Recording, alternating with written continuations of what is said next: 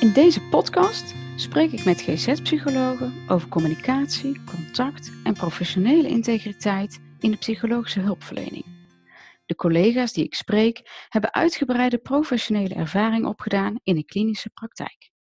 Het voeren van een goed gesprek, het effectief inzetten van communicatietechnieken en het zorgvuldig opbouwen van een behandelrelatie is hun tweede natuur geworden. Samen met hen pluis ik de waarde van hun professionele kennis voor startende professionals uit. We spreken over algemene tips, leerzame ervaringen en specifieke aandachtspunten voor specifieke doelgroepen. Ik wens je veel luisterplezier en inspiratie toe.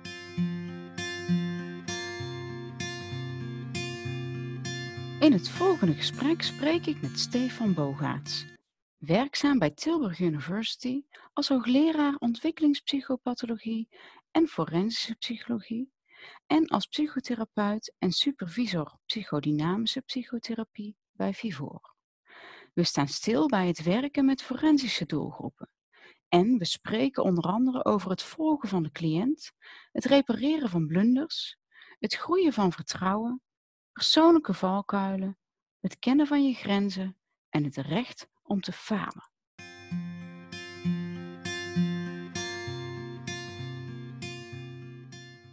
Enerzijds zou ik willen beginnen met de vraag van, goh, zijn er hele basic communicatietips waarvan je misschien denkt, ja, voor mij is het eigenlijk heel erg voor de hand liggend, maar die zou ik iedereen aanraden, met wie je ook in contact bent, om mee te geven aan studenten. Zou je daar wat over willen vertellen?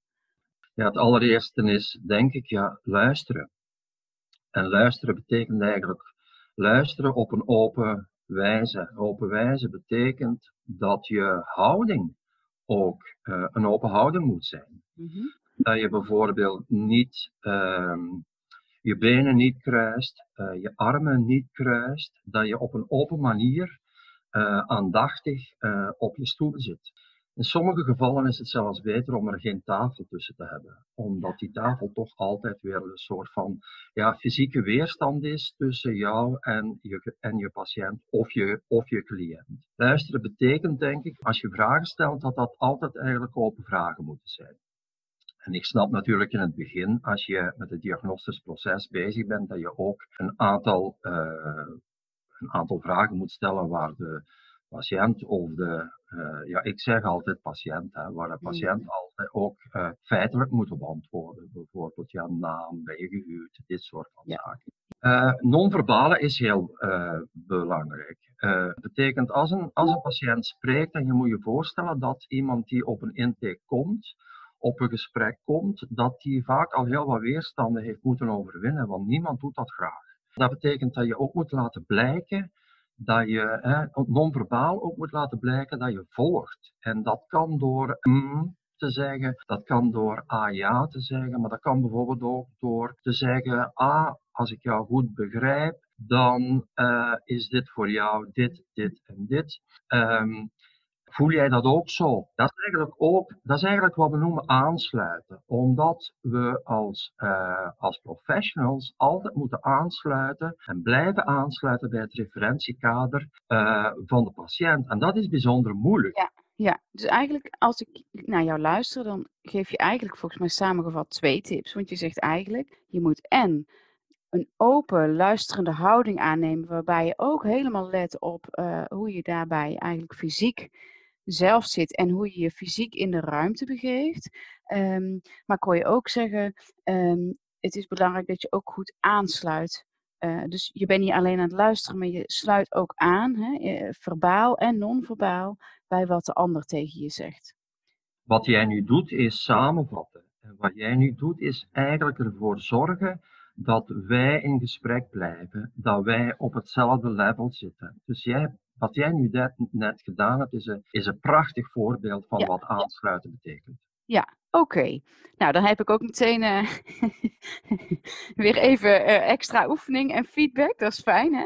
Ja, maar dit is ehm, ook extra, dit is ook schitterend voor, uh, voor studenten om te beluisteren. Want jij doet juist hetgeen wat ik zeg. Ja, nou ja, ik denk dat dat ook leuk is. En, en um, ik, ik wil ook oprecht kijken of ik het begrijp. Want als, uh, als ik het nu niet goed zou kunnen terugkoppelen naar jou, um, dan heb ik het misschien niet goed begrepen. Ehm, eh, maar er is natuurlijk ook een kans dat dan misschien de uitleg nog niet helemaal volledig was of niet helemaal duidelijk. Dus ik denk dat het fijn is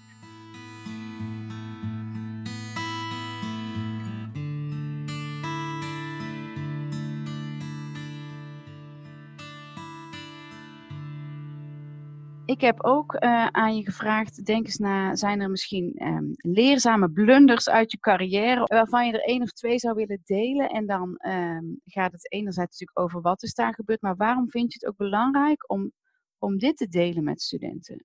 Misschien is het goed om te zeggen dat ik elke dag, wel nu, ik spreek niet meer patiënten elke dag, hè, maar bij wijze van spreken. Ja. Misschien is het goed om te zeggen dat ik elke dag wel wat blunders maak.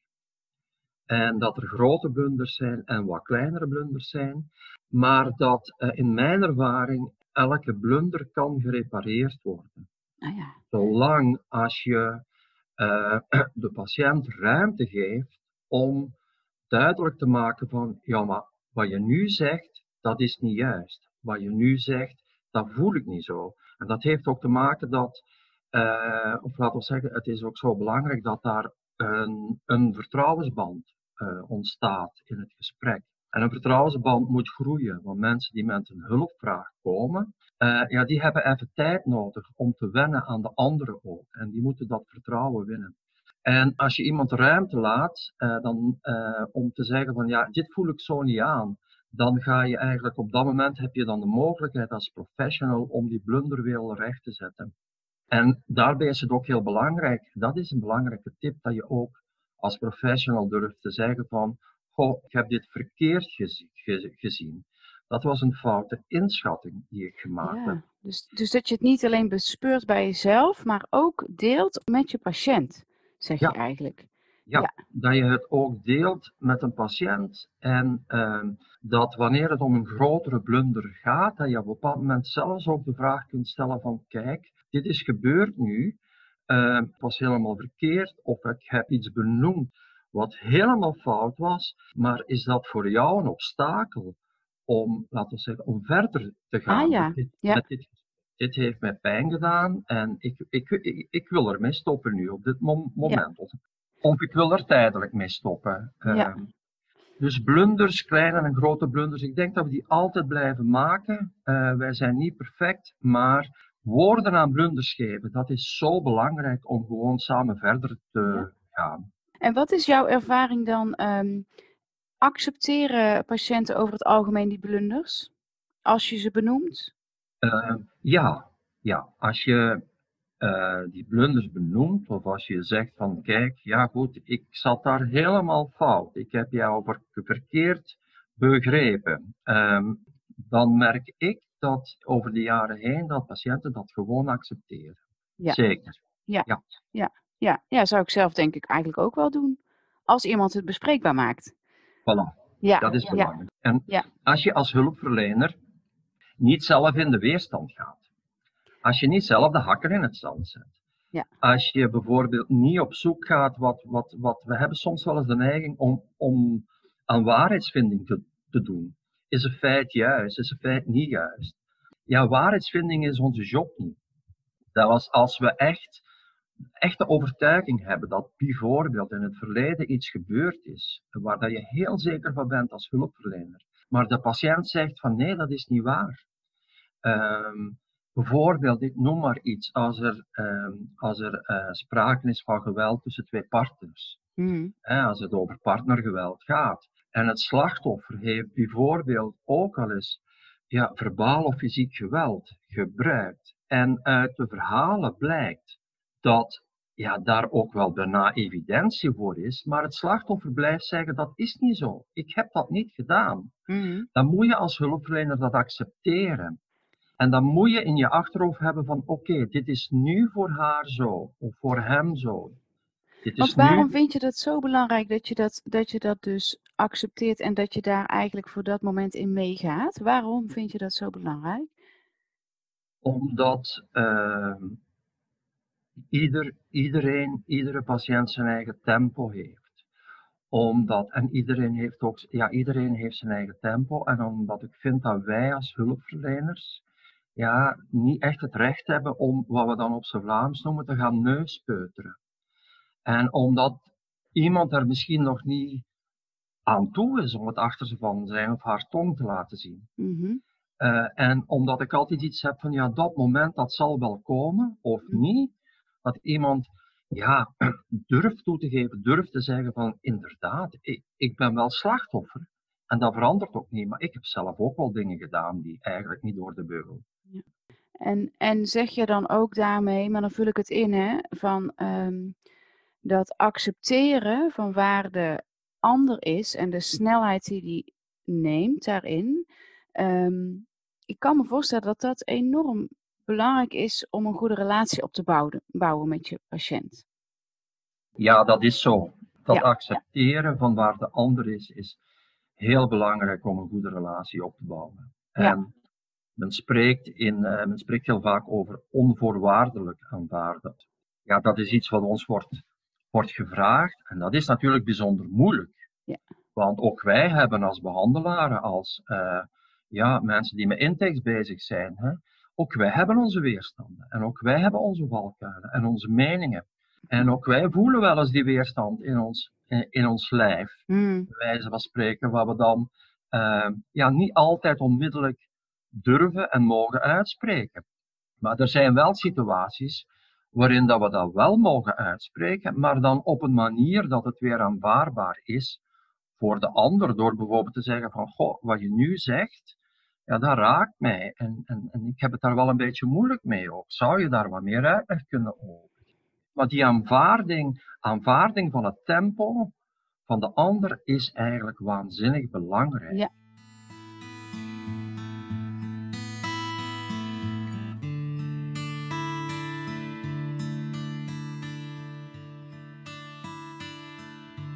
Ik zou eigenlijk jou als laatste willen vragen. Jij hebt veel ervaring hè, met de, met de eh, klinisch-forensische doelgroep. Zijn er eh, bijzondere aandachtspunten die je zou willen meegeven wanneer eh, je als, als psycholoog met deze doelgroep werkt? Op het gebied van communicatie en, en, en samenwerking. Ehm, ik denk als je met forensische doelgroepen werkt, een eerste punt is denk ik dat in tegenstelling tot andere, andere mensen die met een hulpvraag komen, hebben we in het forensische veld soms mensen die niet met een hulpvraag komen. Die natuurlijk vanuit justitie gedwongen zijn om ehm, ja, in een therapeutisch proces te gaan. Dan is het in het begin heel belangrijk om ehm, daarbij stil te staan. Van wat betekent het om hier nu te zijn? Wat, tegen je zin. Ehm, daar woorden aan geven is heel belangrijk. Wel, een ander punt is dat ik toch altijd probeer een onderscheid te maken tussen het delict wat iemand gepleegd heeft en de persoon. Een derde punt is dat als je voelt bij jezelf dat je te maken hebt met iemand die bijvoorbeeld een delict gepleegd heeft, wat je dermate raakt. En ik zal een persoonlijk iets vertellen, want daar, eh, dat is het volgende. In de periode dat eh, onze kinderen klein waren, was het voor mij bijzonder moeilijk om met zedendelinquenten te, te werken, omdat dat mij persoonlijk raakte. Omdat ik onmiddellijk het beeld van onze kinderen voor me had en omdat ik eigenlijk die persoon op dat moment ja, heel fout vond. Ja. Op dat moment moet je, ja, moet je misschien eigenlijk kiezen om dat niet te doen. Om tijdelijk niet met die doelgroepen te werken. Ik, ik heb dat gedaan toen. En dat Ik vind jij een- dus geen falen als je zou zeggen: Ik doe dit nu niet. Nee, ik vind dat geen falen, maar ik vind dat je dan wel de verantwoordelijkheid hebt om die persoon op een warme en respectvolle manier over te dragen naar iemand anders, die daar wel goed in is en die daar op dat moment veel beter voor is. En ook, je moet dat ook heel respectvol oppakken met de persoon zelf. Dat het op Doe dat moment dat? niet werkt. Ja, dat is heel moeilijk. Ja. Dat is heel moeilijk. En op dat moment ga ah, ik, ik herinner mij, ja, ik herinner mij wel één iemand waar ik dan gezegd heb van kijk, ik ben op dit moment niet, eh, niet in staat om eh, dit hele traject met jou te gaan. En dat zijn persoonlijke zaken. En ik ben niet ingegaan op detail. Omdat ik vind van, ja, dat moet ik niet zeggen. op dat ogenblik. Dat zijn persoonlijke zaken en ik hoop dat je dat respecteert ook. Maar ik ga wel ervoor zorgen dat je bij iemand anders kunt. Uh, wat vind je daarvan? Ja. Um, Hoe werd dat opgepikt? Ja, ik moet zeggen, dat was iemand die ja, helemaal aan het begin zat. Er was ook, het was eigenlijk zo een van de eerste gesprekken die we hadden. Ja. En het ging om feiten die bij mij nogal ja, heel zwaar lagen. Waar ik iets had van hier kom ik niet overheen. Ook niet in mijn eigen supervisie. Want dat is ook belangrijk, dat we ook ergens iemand buiten dat therapeutisch kader hebben, die we als spiegel kunnen gebruiken en die ons ook wijst op valkuilen. Ja, precies.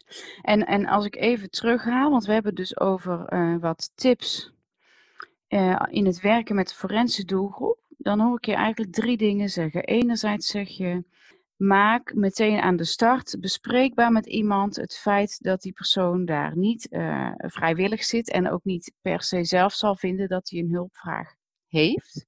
Ja.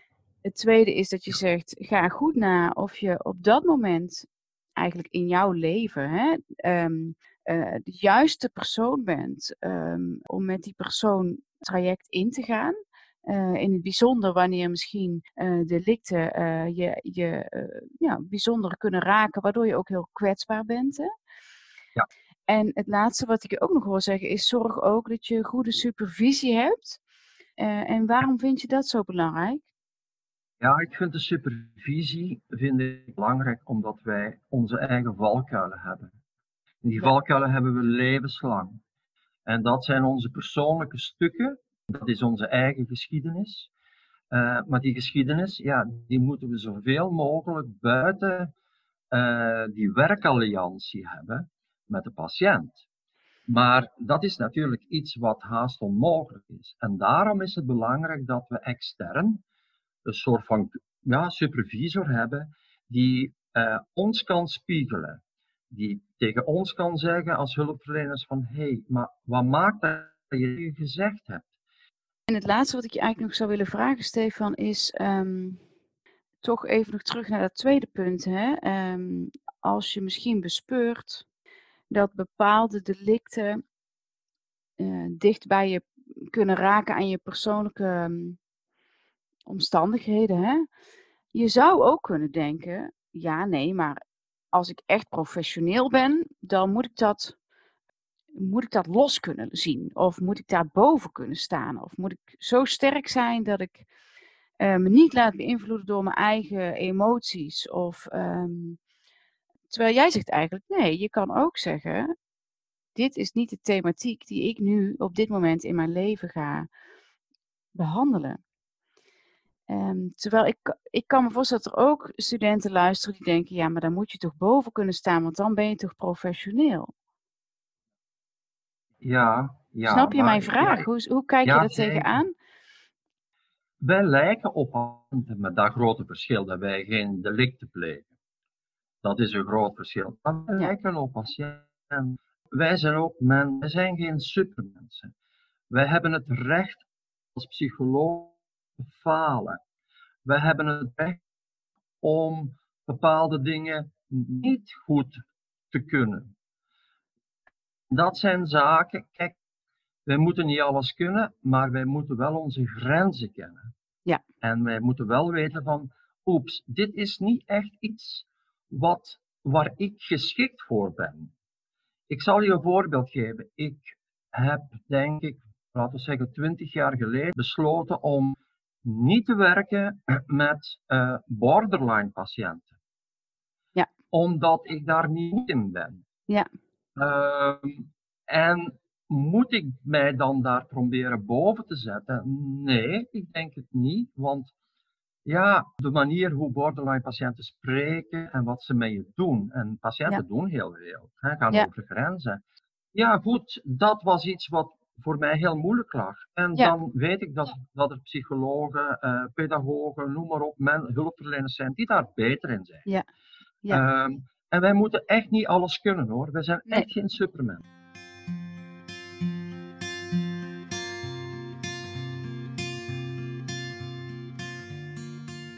Ben je enthousiast over deze aflevering? Laat dan een review achter of deel je enthousiasme op social media.